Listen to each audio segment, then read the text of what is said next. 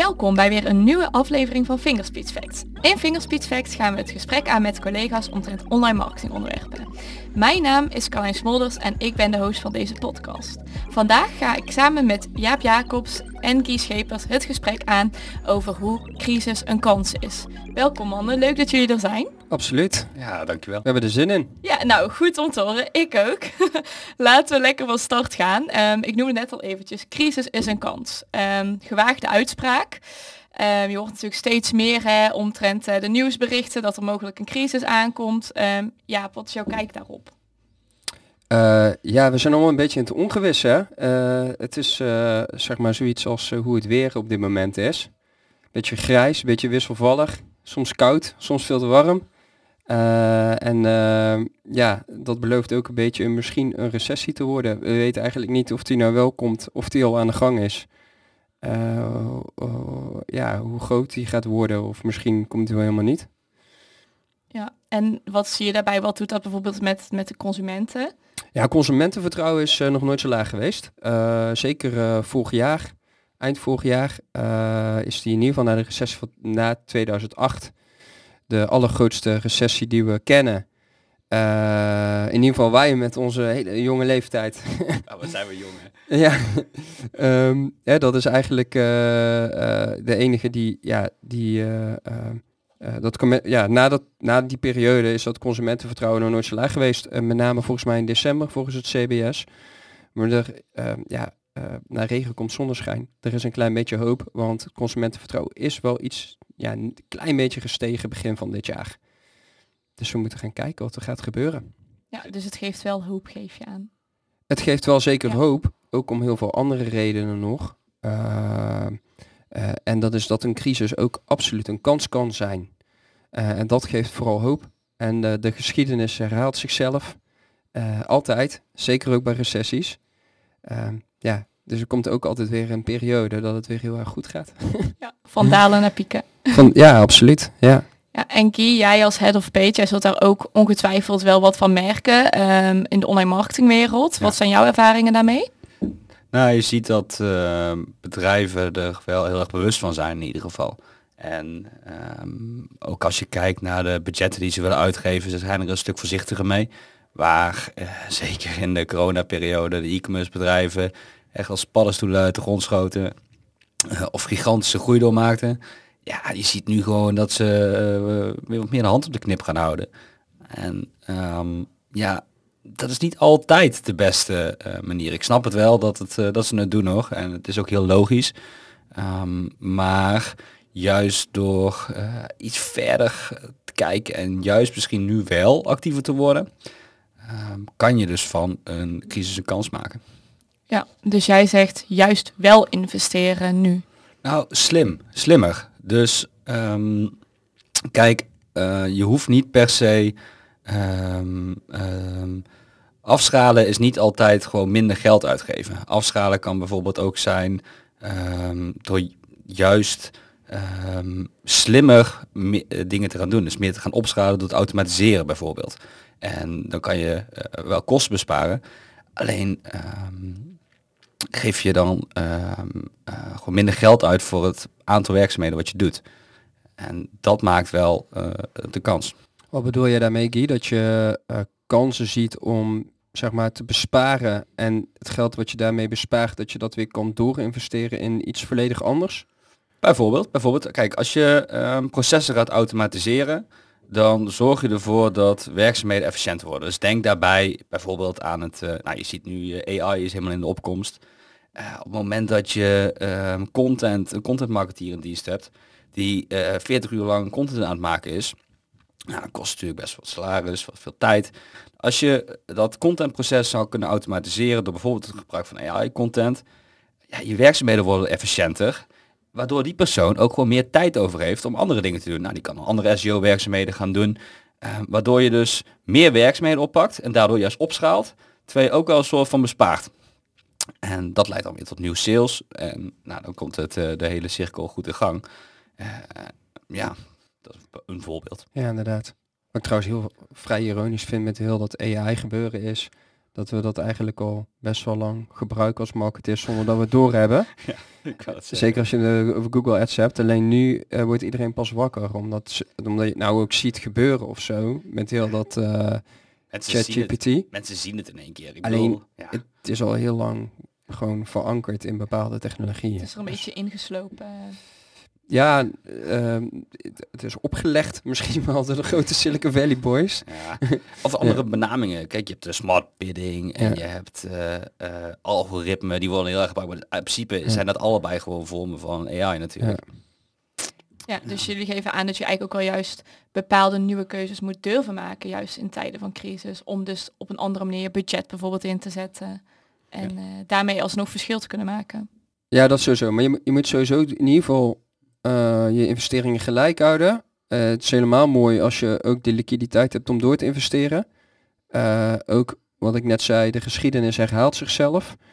Ehm, daar zijn gewoon heel veel studies geweest dat, dat het ook heel slim is om juist in te zetten tijdens een crisis. Omdat je concurrenten, die gaan allemaal minder investeren. En dat is voor jou het moment om eigenlijk marktaandeel van ze af te pakken. Eh, ja, dat is wel heel erg eh, concurrentie gedreven. Eh, maar zo werkt het wel. En uiteindelijk zorg je ervoor dat je dus dan in verhouding meer zichtbaar bent dan je concurrent. En dat de consument jou straks sneller weet te vinden. Daarnaast ehm, is het ook zo dat eigenlijk vooral op het einde van een recessie zie je ook dat er heel veel nieuwe producten en diensten vaak tot stand komen. Of dat er een soort opleving is. Ook al dus tijdens een recessie, zeg maar. eh, waarbij het handig is eh, om te blijven innoveren, jezelf opnieuw uit te vinden. Ehm, omdat je eh, ja, daarmee een nieuwe markt aan kan boren. Dus als je kijkt bijvoorbeeld die 2008 eh, grote winnaars op dat moment waren bijvoorbeeld social media platformen. eh, eh, een heel nieuw product, een nieuw platform. Ehm, eh, maar ook, nou eigenlijk social media en SaaS. Dus SaaS, zeg maar, het, ja, begrip van SaaS en alle succesvolle SaaS ondernemingen, zoals bijvoorbeeld de Salesforce. Ja, die zijn eigenlijk allemaal een beetje in die recessie exponentieel gegroeid. Dus als je op dat moment heel goed die consument weet te vinden, dan eh, eh, ja, die dus op zoek is naar een andere, in één keer een andere behoefte heeft, dan eh, kun je heel veel winnen. Ja, Ja. dus toch echt als bedrijf zijnde mee te bewegen met wat jouw klant of wat de consument waar die behoefte aan heeft. Het gedrag verandert ook. Kijk, consumentenvertrouwen verandert en daarmee verandert ook bijna eh, direct ook het gedrag. En ja, dat zorgt er gewoon voor, voor, nieuw, voor bedrijven, voor nieuw- nieuwe kansen, ehm, door daarop in te spelen. Heb je daar bijvoorbeeld een concreet voorbeeld van? Dus eh, in bepaalde uitgaven wat je daar ziet, eh, bepaalde producten, bepaalde diensten. Nou, wat Jaap zei, in de vorige sessie was heel erg duidelijk dat social media op dat moment eh, heel erg eh, in opkomst was. Ehm, ja, wat het deze, dat deze keer gaat zijn, eh, misschien Sowieso wel- online marketing, hè, waar, je- waar fingerspits is ontstaan in een nasleep van, eh, van die recessie. Ehm, en toen kwam er dus een mindshift bij adverteerders van hey, we moeten veel meer performance gedreven werken. Hè? Iedereen wilde van offline naar online, want het was in één keer meetbaar. Dus ik denk dat dat ook gewoon slim is om te doen. Blijf nou niet alleen maar doen wat je vandaag de dag doet. Maar kijk ook waar je klanten in de toekomst behoefte aan, eh, in hebben en durf te veranderen, zeg maar. Nou, we hadden het net over AI, misschien is Ja. dat wel het volgende. Het zou zomaar kunnen. Ja, Ja, want je ziet misschien ook vaak dat uit paniek mensen ehm, naar de korte termijn gaan kijken, snel zeggen van ah, we stoppen met dit of halveren budgetten. Maar eigenlijk raden jullie dus aan om heel ver vooruit te gaan kijken, dus ook echt aan die lange termijn te denken. Ja, dus niet alleen maar eh, kijken naar investeringen, maar ook gewoon jezelf opnieuw uit te vinden, ook in je propositie. Ehm, eh, ja, echt, echt te kijken van oké, we- de- hoe, ziet de- hoe ziet de wereld er over tien jaar uit, zeg maar. Hè? En eh, Het grappige is, je zegt jezelf opnieuw uitvinden, maar eh, dat kan in je propositie zijn, maar het kan ook zijn in hoe je dus het even heel concreet maakt en hoe kijk je nu naar bepaalde kanalen en hoe kijk je naar bepaalde metrics. Ehm, ja, waar voorheen eh, bijvoorbeeld altijd gekeken werd naar een ROAS, begint de blended, eh, blended ROAS of een POAS begint, of Customer Lifetime Value, begint toch wel steeds meer gewoon de nieuwe norm te worden. Ehm, dus ook daarin kan je jezelf wel opnieuw uitvinden. Kijk naar de situatie. Dat is bijvoorbeeld een POAS is daar een heel mooi voorbeeld van. Kijk, nu is de, de kosten eh, lopen overal ook op. Dus eh, de consumentenvertrouwen daalt. Dat is de ene kant. Maar aan de andere kant zien we ook dat de kosten steeds meer oplopen eh, overal. Dus je marges komen onder druk te staan. En op het moment dat je marges onder druk komen te staan, ja, dan wil je toch misschien je kosten wel iets meer in in kaart gaan krijgen. En dan is een, een POAS bijvoorbeeld een oplossing. Ja, dus jij zegt eigenlijk dat een POAS, een Profit on Ad Spend, dat dat zo belangrijk is, omdat je dan ook inzichtelijk hebt van wat zijn die marges en dat je dan daarop kan inspelen. Ja, ja eigenlijk wel. Kijk, ehm, je moet omzet niet uit oog verliezen, want omzet heeft ook heel veel, heel veel voordelen. Kijk, het eh, opschalen, opschalen gaat vaak toch ook wel eh, gepaard eh, ehm, met, met omzet. Je moet genoeg activa blijven hebben om je overheadkosten te kunnen dragen. Je klantenbestand groeit op het moment dat je meer omzet hebt. Maar met een POAS krijg je wel een extra metric, ehm, waardoor je de, misschien wel de juiste balans kan vinden. En ik denk dat heel veel bedrijven niet goed in kaart hebben hoe ze er nou echt financieel voor staan, hoe, een, hoe een, eh, de cashflow nu eigenlijk daadwerkelijk is. En ja, met, eh, met een POAS kun je dat wel echt eh, beter inzichtelijk krijgen. Hoe komt dat dan? Zijn het dan vaak verborgen kosten waarmee je te maken hebt? Ja, ja kijk, de ehm, inkoopkosten, als je, als je kijkt naar, eh, over het algemeen heb ik al het liefste dat de inkoopkosten per product goed in de feed staan, want dan weet je het altijd, eh, altijd exact. Maar bij heel veel bedrijven is dat niet het geval. Je ziet niet de, de precieze inkoopkosten of die veranderen heel erg, of je hebt te maken met een dollarprijs. Ehm, of denk aan verpakkingskosten, payment fees, verzendkosten die veranderen.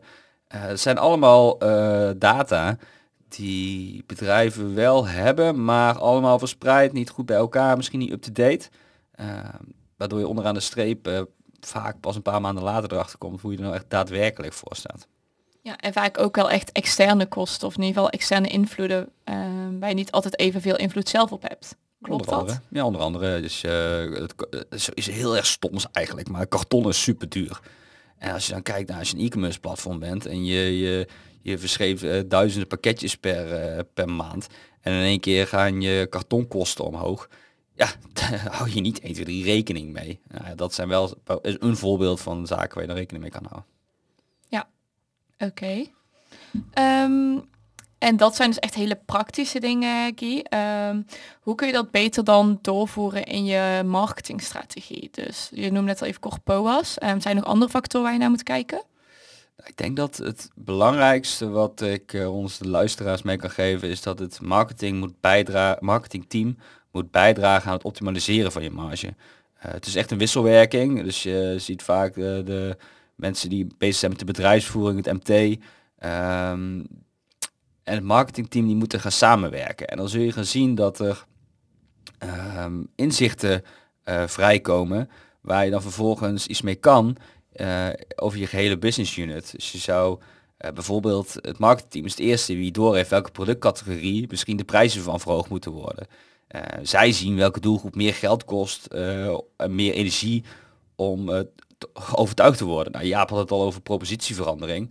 Dat je ziet dat een bepaalde doelgroep steeds eh, m- moeilijker is om te overtuigen, ja, misschien moet je dan je propositie wel aanpassen richting een andere doelgroep. Maar ja, daar heb je wel een goede wisselwerking nodig tussen marketing en de, ja, de overall business. Ehm, dus dit is een heel concre- concreet voorbeeld. Ehm, Wat sowieso heel erg interessant is, is in, in een tijd van een recessie om je producten te gaan plotten op verschillende doelgroepen. Dus eh, eh, wat ik daarmee bedoel is, je hebt doelgroepen die eh, minder te besteden hebben en je hebt doelgroepen die zeg maar ja, niet zo erg naar hun portemonnee hoeven te kijken. Eh, neem daar er bijvoorbeeld vier van, ehm, die je dus afzet tegen elkaar. Maar daarnaast ook producten in, te, in te delen op basis van, hey, dit is echt een must-have. Eh, tot uiteindelijk wat is nou super nice to have of, of eh, is er niet een alternatief voor of eh, zijn dit producten die je uitstelt misschien. Want ehm, recent, B2 of recent onderzoek richt naar de consument toe heeft ook uitgewezen dat vooral grote uitgaven, de helft van de Nederlanders op dit moment stelt grote uitgaven uit. Nou, dat is dus best wel interessant om dan even tegen die doelgroepen af te zetten. Om te kijken, hé, hey, maar kan ik daar nog niet een nieuwe strategie op verzinnen? Moet ik die doelgroep niet een ander product aanbieden bijvoorbeeld? Of moet ik eh, mijn offering eh, aanpassen? Het gaat dus allemaal veel verder dan promotie en, en eh, toffe campagneinstellingen. Maar hij heeft vooral heel erg ook met product en prijs te maken. En Customer Journey, als je kijkt naar, ehm, ik, ik, ik las laatst, ja, ja, is echt jouw vakgebied, maar ik las laatst ergens dat een customer, de gemiddelde recessie 11 maanden volgens mij was. En dat de customer journey van de B2B langer, langer zat? Een recessie zit onge nou, een, een, dan praat je over B2B Ja. wel. Oké. Hè, maar bij de consument is eigenlijk eh hetzelfde van toepassing, maar is de customer journey veel korter. Eh, het is zo dat een customer journey in de B2B, die is zeg gemiddeld anderhalf jaar ongeveer. Ehm, alleen de recessie is 11 maanden. En dat is dus super interessant, want dat betekent dus als jij stopt met je marketing tijdens die recessie, dan raak je de mensen dus kwijt. Blijf je gewoon doorgaan, dan blijf je zichtbaar tijdens een recessie. Alleen omdat de journey langer is dan de recessie, komen ze dus, ja, blijven ze bij je, komen ze terug. En dat is dus ook echt een moment om toe te slaan, omdat waarschijnlijk je concurrenten dat dus nalaten. Die stoppen tijdens de journey van jouw klanten. Dus je blijft eigenlijk, heel concrete marketingtermen, de, de funnel is zo'n heerlijk woord. Je, je, je, je blijft funnel eigenlijk vol, vullen. Dat is eigenlijk wat je dan doet. Ja, dat moet je wel doen, ja. Ja. Want als je stopt, dan, ja, dan stopt het ook goed. Dan kom je in een visueel cirkeltje terecht. en eh, wordt het eigenlijk alleen maar minder en minder en minder. Eh tuurlijk, eh, moet je wel even, even stoer zijn. en je hebt liquiditeit voor nodig. En je moet het heel goed uitleggen aan, eh, aan directie, management en de mensen die er eh, hun geld in hebben zitten. Ja. Want tuurlijk wordt het wat minder. Hè? Eh, eh, en denk je van, oeh, ik moet mee met, met de marktbeweging, want dit gaat niet goed. Alleen het beste is eigenlijk je hoofd koel houden. Ja. Ja. Grappig. Ja, nou, dat zijn wel toch interessante dingen. Want wat jij eigenlijk zei, Jaap, is dat je dus niet alleen moet kijken naar hey, welke campagnes ga ik live zetten, maar zorgen dus echt dat je voor iedere doelgroep een geschikt product hebt. En als dat dus soms Ja, betekent... ook hè, dus het is wel veel breder dan, oké, Ja. eh, heel, er wordt vaak heel simpel gezegd van, oh, je moet gewoon blijven doorinvesteren en, eh, of houd in ieder geval gelijk. Het is niet alleen dat. Eh, het is dus ook gewoon heel slim kijken, goed naar je doelgroep luisteren, goed je propositie daarop aanpassen. Eh, misschien jezelf opnieuw uitvinden, nieuwe dingen bedenken, nieuwe producten bedenken, lanceren. En eh, vooral ook heel erg kijken, wat, wat Guy ook zegt, eh, ook naar, de, naar je digital metrics kijken.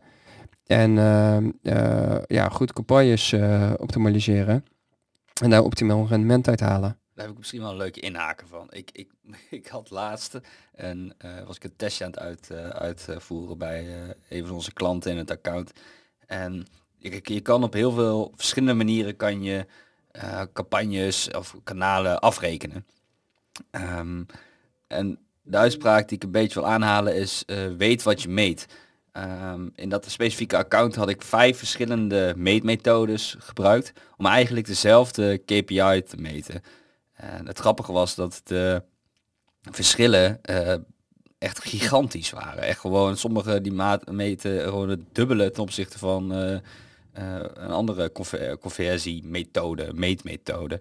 Ehm, dus ook met, bijvoorbeeld met een, een, een, een Facebook campagne. Wat je bijvoorbeeld kan doen is, uh, attributiemodel is al onbekend. Je, je ziet het nooit terug in de analytics, de, de aankopen, of je ziet er heel weinig. En eh, Facebook rekent zichzelf dan weer te veel waarde toe. Eh, of helemaal niks. Ligt een beetje aan hoe de instellingen staan ingesteld. Ehm, maar door er slim naar te kijken en op bijvoorbeeld een cluster-experiment op te zetten en je land in twee gelijkwaardige delen te splitsen en dan te zeggen van nou, oké, het ene gedeelte van het land draai ik wel bepaalde brandingcampagnes en het andere land niet, uh, gedeelte van het land niet. En dan naar uh, overal verkeer te kijken um, over een lange termijn misschien zie je daar wel verschillen in. Dus daar hebben we ook voor een klant een, een, een experiment op uitgevoerd. En nou, we zagen dus gewoon na 33 weken, dus het was ook wel lange termijn effect. Ook wel belangrijk om dan goed naar de lange termijn te blijven kijken. Zagen gewoon dat in het gedeelte waar we geen branding deden, gewoon 100% um, minder branded verkeer was. Um, dus we zagen nog steeds geen conversies terugkomen. Ja. Maar die branded campagne is wel. Um, om er het belang aan te geven van weet wat je meet. Um, want anders had ik hem gewoon uitgezet. Ja. En dan had alles ingestort. En dan uh, ja, gaat van kwaad tot erger. Ja. ja. Ah, de grap is vooral bij, bij als je hierover nadenkt over dit onderwerp, dan uh, kom je met allemaal geweldige strategieën en hele praktische uh, punten die, uh, die je op kunt pakken om, om de wereld een beetje beter te maken voor jezelf. Alleen eigenlijk zijn al die punten ook buiten om een recessie hartstikke geweldig en goed. Alleen je ziet dus dat in één keer eh, de mindset verandert en eh, eh, dat iedereen een beetje wakker wordt geschud. En soms heb je dat dus ook gewoon nodig schijnbaar om ehm, iets nieuws uit te proberen. Ik vind het wel grappig. Je zegt, ik doe niet heel veel anders dan, dan voor de rec- recessie. Ik weet niet of we in recessie zitten. Kijk, dus Ja. een beetje de, tij, eh, de touw trekken waar we nou Ja. momenteel in zitten. Maar ik doe niet heel veel anders. Het is Ja. alleen dat je bent je een stuk bewuster. Ja. Je, dat, dat is eigenlijk nu het verschil. Dus eigenlijk word je echt op scherp gesteld nu. Ja, je wordt wel Ja. wat scherper. Ja. Het bedrijf worden sowieso. Kijk, als je in één keer wat minder omzet en wat minder klanten over de vloer krijgt, dan, eh, ja, dan sta je op scherp. En dat is misschien soms ook wel goed. Dus het is een, eh, met name ook een kans dat je er juist weer heel veel van leert en weer even scherp wordt. Absoluut. hey, we zijn alweer eh, aan het einde gekomen van deze podcast. Vliegt voorbij zo'n eh 20 minuten. Vast het Ehm, gezellig. ja, hebben jullie nog een laatste tip die jullie willen meegeven aan de luisteraars? Yep. De laatste. En luister naar de volgende Fingerspeech Facts. Heel goed, heel goed. Vind ik een hele goede. Yes, want die volgende vingerspits die komt er binnenkort weer aan. Ehm, maar voordat we daarover gaan hebben, wil ik jullie bedanken, Guy en Jaap, voor jullie input. En eh, jullie als luisteraar bedanken voor het luisteren. Eh, mocht je benieuwd zijn naar de andere afleveringen van Fingerspeech Facts, die vind je terug in dit account. En wil je nou nog meer van dit soort content, meld je dan ook aan voor onze Fingerspeech Growth op www.growthlab.nl. En dan ehm, zijn wij volgende maand weer terug met een eh, nieuwe podcast over CRO. Bedankt voor het luisteren.